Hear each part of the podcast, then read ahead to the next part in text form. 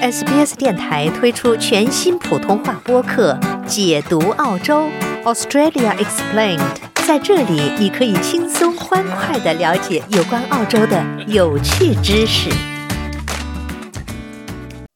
从法律角度看待社会现象，以专家意见指点生活迷津。请听现场说法。现场说法，您了解法律、咨询问题的空间。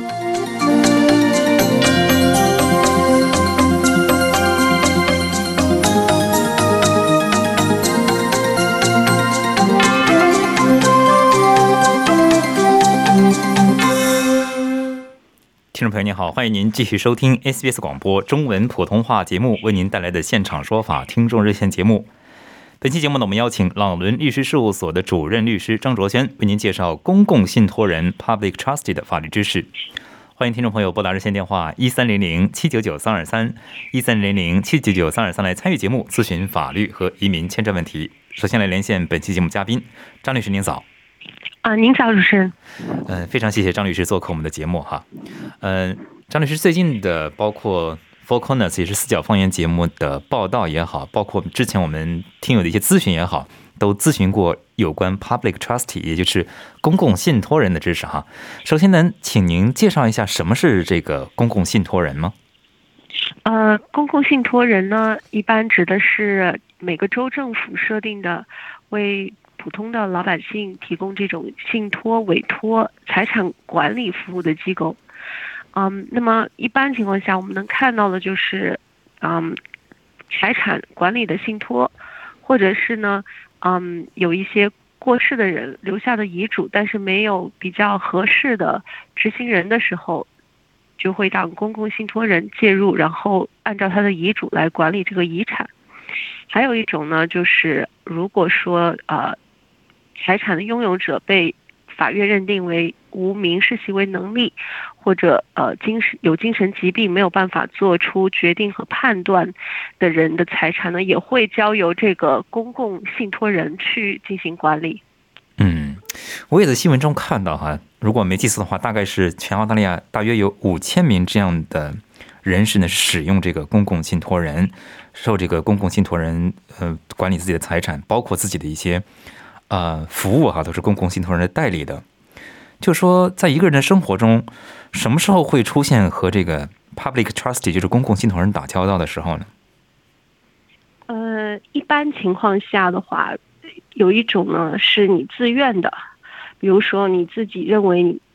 需要有人帮助你来管理财产，然后啊没有可以委托的亲人朋友管理的时候，你就可以去申请。直接去找到这个公共信托人，啊，签署委托协议书，或者跟他们约定这种信托的协议，然后让他们按照你跟他签署的协议来管理你的财产。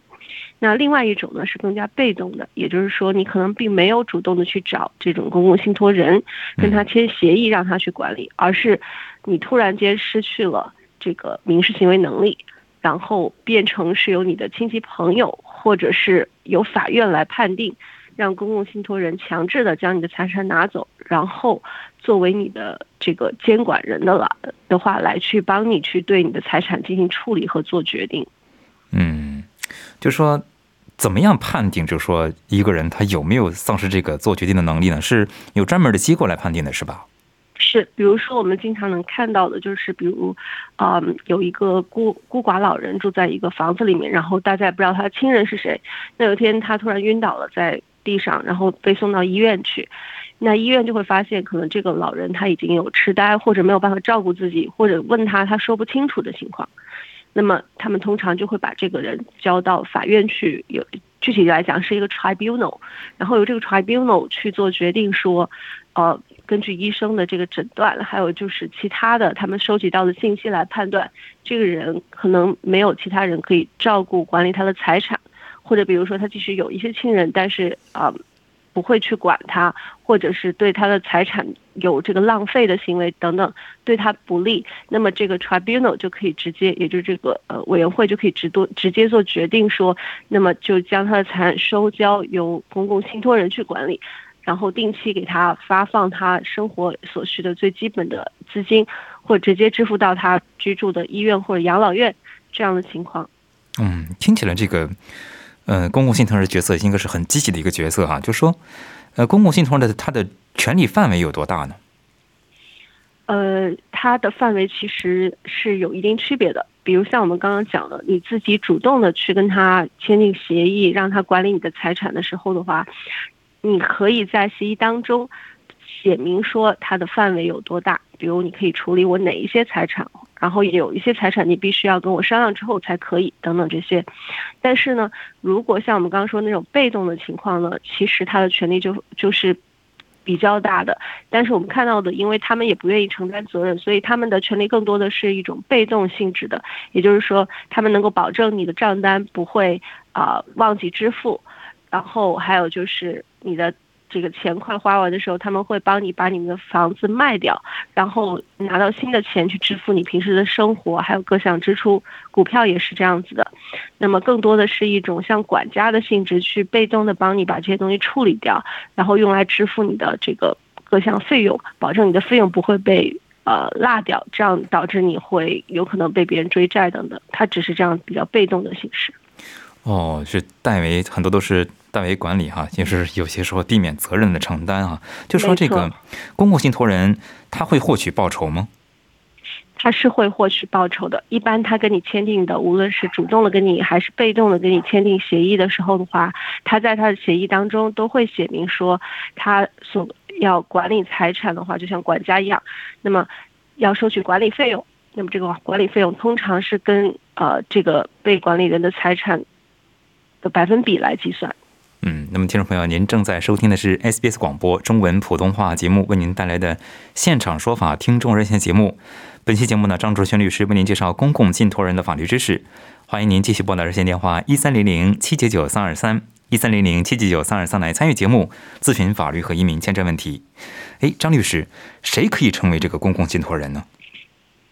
呃。公共信托人的话，不是一个像牌照可以申领的这么一个机构，它是一定要严格按照每个州的公共信托人的相关设定的法律去设定的一个呃叫做 government agency，也就是一个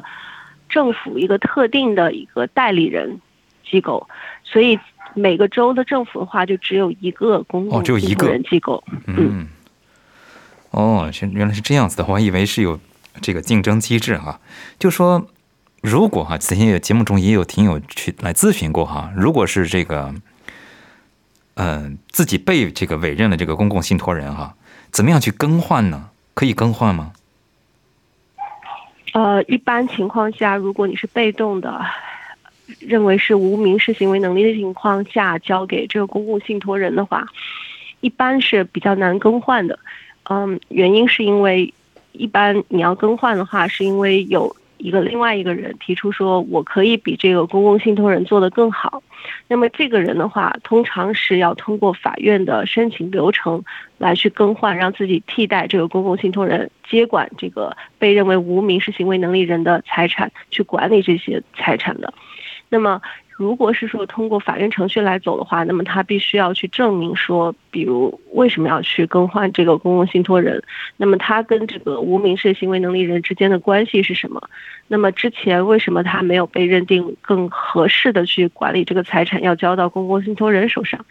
那么他又如何去提供证明他有这个能力，并且能够呃尽职的，啊不会有自己。个人私利的情况下管理好财产，那么他是否要收取管理费用？管理费用是多少？所以在这种情况下的话，那么呃，这个人的话，他必须要一就是很难是自己去完成的，他必须要请聘请律师协助他去做这种法院的申请程序。那么呃，如果是已经被认定无民事行为能力人的话，那他的话。想觉得不满意这个 public trust，也就是公共信托人，比如给钱给的太少啊，或者他怀疑他的财产被转移啊，他要去找律师的话也就更困难了，因为他本来就是无民事行为能力人，那这个律师首先要确认他的客户是有能力给他指示的，第二的话，这个律师费也比较难获取，因为他所有财产都在这个公共信托人手上。哇，天哪，这个听起来是无解啊。嗯，这个我看了这个四角方圆这个节目中，其中一个案例就是一个人他被判这个被鉴定为无行民事行为能力哈，之后呢，这个为了从这个公共信托人这个委托的这个协议中退出来呢，嗯，专门是后来是幸好是碰到了一个，相当于是一个精神鉴定医生吧，给他鉴定完之后，他才从中退出来哈。他退出来之后呢，是质疑这个公共信托人没有管理好自己的财产，并且质疑这个在法律管理方面这方面是有漏洞哈。就是目前来看，有没有这个监督公共受托人的这个机制呢？呃，目前来看是没有的。就像您说的，这个节目播出之后的话，州政府的确派出了一个调查组去调查，究竟这个公共信托人是否有失职的行为。但是如果单是从这种呃合同法上的约束的话，就是除非你是以一个有民事行为能力人去。对他进行委托，相当于他是你一个普通的信托人的这种情况下，你可以根据合同法协议去追究他的责任，或者他作为你的类似于在法律概念当中的 servant，也就是他给你提供服务的一方，他有这个必须要有 due diligence，也就是他必须要尽职的去帮你负责的这个方面，你可以去追究他的责任。但是在这种情况下的话，一般。公共信托人，除非有重大的过失，或者他故意导致你财产减少的的情况下，你才可能会向他，呃，获得到这个赔偿。否则的话，他不会是对于一一一些，比如，比如他卖的价格五十万还是三十万，就这样子情况下，那他只要证明说他已经按照流程走了，然后对你的房子进行了一定的就是呃管理，那么你是没有办法对于这种。投资损失的这种或者收益的这种问题的话，对他进行纠责的。非常感谢张卓全律师对公共信托人法律知识的介绍。听众朋友，欢迎您继续拨打热线电话一三零零七九九三二三一三零零七九九三二三来参与节目，咨询法律和移民签证问题。张律师，如果再让您介绍一点点的话，就是说，如果是自己还在有行为能力的时候，怎么样可以更好的安排好之后的一些，比方说财产啊，或者自己的决定的一些安排呢？嗯，一般在你还有民事行为能力的时候，当然绝大多数人觉得，特别是华人了，觉得不太吉利，所以一般不会去做一些什么。但是如果你觉得自己的身体可能出现了一定问题的话，我觉得这个有必要去考虑。最重要的一点是要把遗嘱立好。那么，呃，第二点的话就是要做一个呃委托书是。讲明是你无民事行为能力的情况下，你愿意委托谁帮你去管理你的财产，还有你的呃各方面的呃最典型的话就是各方面的非财产性质的一些事项的决定的话，这个人也是可以帮你做的。那么呃做完这个之后的话。如果你还谨慎一点的话，那么你可以到呃相关的部门去做一个就是表格的填写和申请。也就是说，如果你成为无民事行为能力的情况下，谁会是变成你的 guardian？就有点像这个监护人，也就是像这个父母照顾孩子一样可以照顾你。就这些表格，还有委托书，还有遗嘱做好了之后，如果发生这种情况的话，那么你委托的这个人保管这个文件拿出来之后的话，就可以避免。发生就是政府可能会给你指派这种公共信托人去管理财产的情况。谢谢张律师的介绍。接下来我们接听听众电话，同时也非常欢迎听众朋友继续拨打热线电话一三零零七九九三二三一三零零七九九三二三来参与节目，咨询法律和移民签证问题。这位是王先生，王先生您好。呃，您好。哎，您请讲。哎，我我请问呢，张律师的电话号码几号啊？哎，呃，王先生，我们这个是现场咨询的一个法律热线节目，您在现场咨询好吗？对呀，我我邀请这个张律师做我的我的律师，要要要多少钱呢？呃，我们这这是个不是一个这个推荐律师的一个节目哈，我们只是做一个现场说法的一个答疑解惑的一个节目。您有疑问可以直接问吗，王先生？对啊，你你你这里有做 NDIS 的的案案子吗？这个我不确我不确信张律师有没有，但是您可以有相关的疑问提问，王先生。对啊，那个，您有哪些疑问？NDIS 把把这些本。嗯，您有这个。我生病了，然后我我那个，呃。呃，去破壳的那时候去医院了，然后去医院他，他说什么 public guardian，然后他他就把我的名字就转到 public guardian 去了，去了，然后我要取消 public guardian 呢呃，应该怎么做啊这是公共监护人是不是？？Yeah yeah，呃，您您您这种情况的话，您是之前已经找了别人帮您做 guardians 了是吗？王先生，啊您之前是已经指指定了你自己想要的，只是他们，我听您的意思就是说是他们弄错了还是什么，然后变成由公共的这个呃监督人来去监护你，但是你实际上是有一个你自己信任的亲戚或者朋友要做你的 guardians，也就是监护人是吗？什什么你你王先生，就是律师问您，您有没有这个自己的亲戚亲友当您的监护人呢？就是之前有吗？我我有我当然我有啊，哦，对，那您叫您这个亲友可以委托律师由他们去帮您做这个申请，将这个亲友指定为是您的监护人，而不需要公共的这种信托人去帮你做那做。我那我要请请请你帮帮我做那个您我您直接您直接请的话，可能会有一定的问题，所以您就是您决定是由谁做您的监护人，由他去帮您去做这个事情，然后找一个律师代理他就可以了。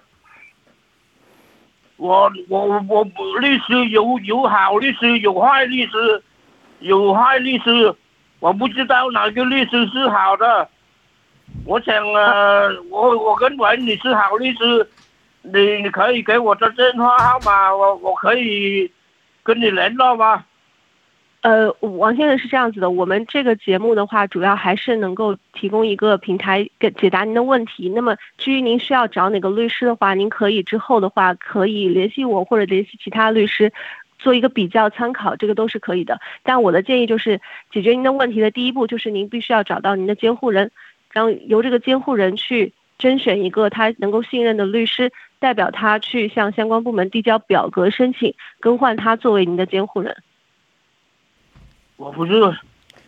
律师，有好律师，有坏律师。像呃，呃，这个我我想你是好律师，我想要你的电话，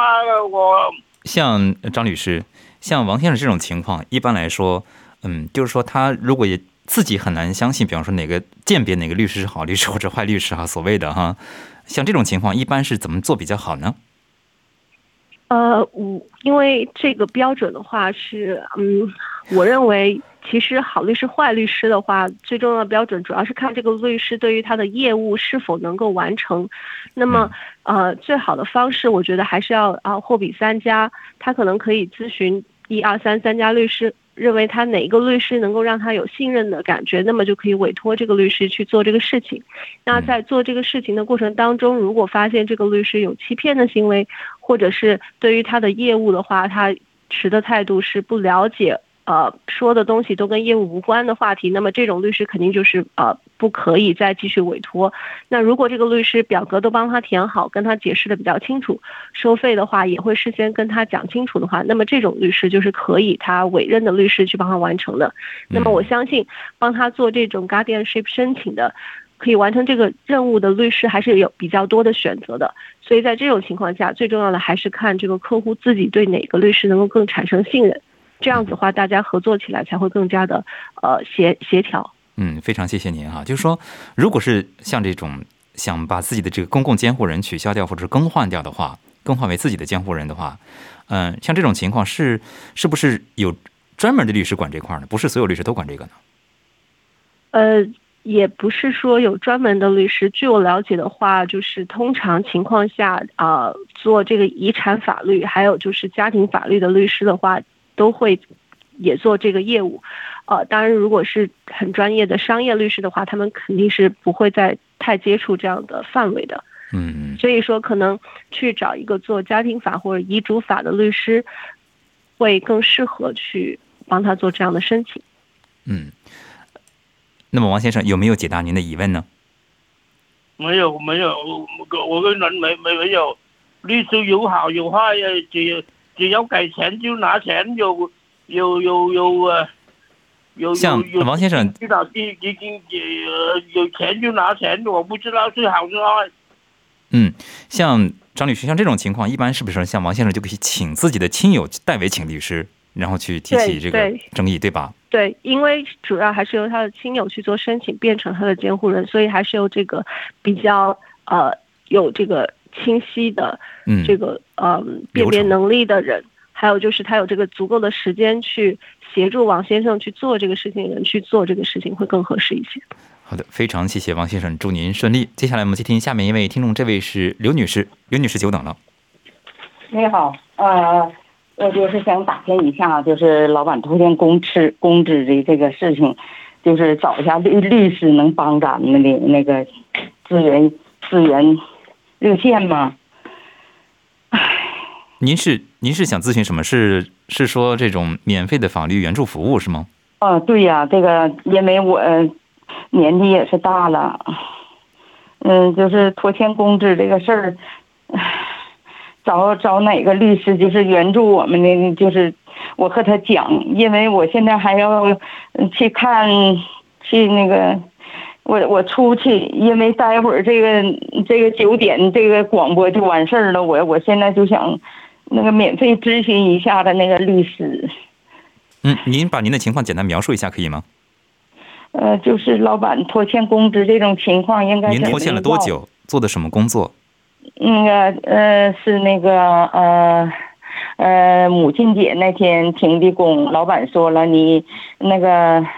呃，他说要这边要开业，然后呢，我说的那个呃，多长开业？他说明天。呃，就开业，他告诉我的就是母亲节那天开业，我就提前半个月就给这个工原来的工作辞掉了。我后来一看，这怎么装修也没完事儿啊？最后人装修到最后有人是六月四号开业的，老板那个他说，我说人家那边的老板还让我回去干活呢，现在装修没装修完，我说的那你就装修，等装修完事儿了开业我再过来。他说你别去，你别去，我我给你补助，我给你补助，到现在也没补助。那是去年的事儿，现在还没补助呢。我现在就是想咨询这个事儿。您是这这个相当于是换了工作之后呢，另一方呃从甲方换到乙 A A 方换到 B 方之后，这个 B 方对您的承诺开工的时间没有开工是吧？中间有个落差是吧？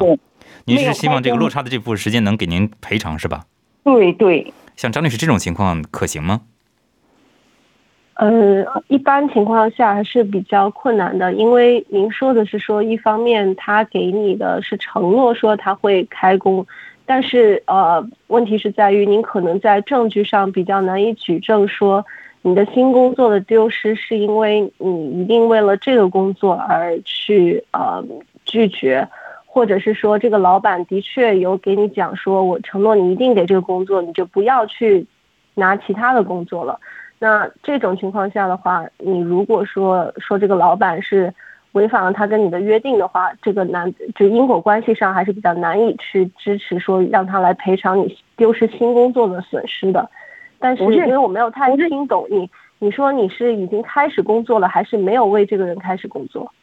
我已经就开始给他干活了，但是他嗯开工晚了，这个晚了的。都已经是去年的事儿，迟迟不给我。他说的，呃，让那个老板给完，那个老板来说的下回的，等着这回再来了，他。分成两部分，呃，那么分成两部分，一部分就是你说的是由于他延迟，你认为说你丢了其他新工作的机会，这点我认为你是比较难以去证明，而且是比较难以获得赔偿的。，那个无所谓，因为但这个是就像那个您说的，如果按照法律规定的这个呃最低工资，呃，您是干什么行业的？啊，按摩，按摩是吧？呃嗯，然后就应该会有相应的关于按摩行业的最低工资，像您这样的技师，可能比较有技术能力的还会更高一点。根据您的这个个人经验，那么他们必须按照这个法律的最低工资给您以补偿。如果您是比如是在工时以外的时间或者是假期时间去做的话，他们也应该要给您更高的补偿，同时要帮您买这个呃养老金，还有要给你，如果是你是这个呃较为长期的这种兼职或者是长期工作的话，他们还是要给你相应的假期带薪假期。那么如果他们没有这么做的话，您呢就像您说的，您可能经济上没有办法去负担一个私人律师帮助您，那么您就可以找到你们当地的这个 Legal Aid，也就是法律协助中心的人去看一下，他们是否可以给你提供免费的法律服务。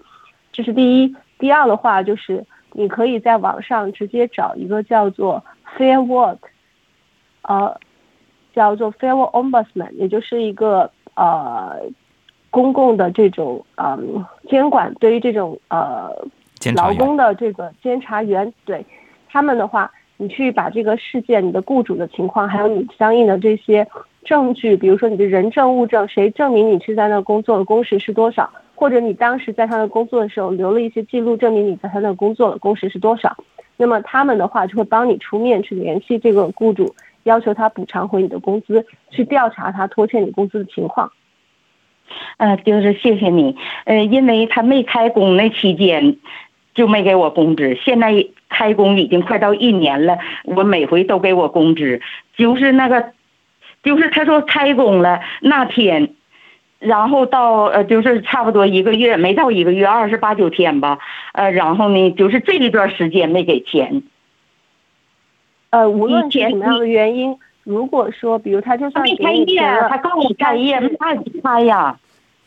就是，但是如果他没有按照法律规定给你这个足够的工资，比如说你是节假日的时候，他也没有给你呃按照法律规定的那个呃比率去给你增加工资的话，你都是可以去这个地方去投诉，然后自然有这些地方的呃这个主管的人去帮你调查这个事情，给你把这个工资给追讨回来。所以说，呃，我们给您的建议就是，您一方面可以找这个每个社区自己的这个呃 legal aid，也就是提供免费法律援助的这些律师，他们的话也可以是政府资助的，然后他们的话是可以帮你去找这个 fair work ombudsman，就是这种公呃公平呃工作公平委员会的这个人员去解决这个问题。另一方面，你也可以直接联系他们，然后让他们帮您出面去解决这个问题。好嘞，谢谢张律师的介绍哈，也祝刘女士顺利。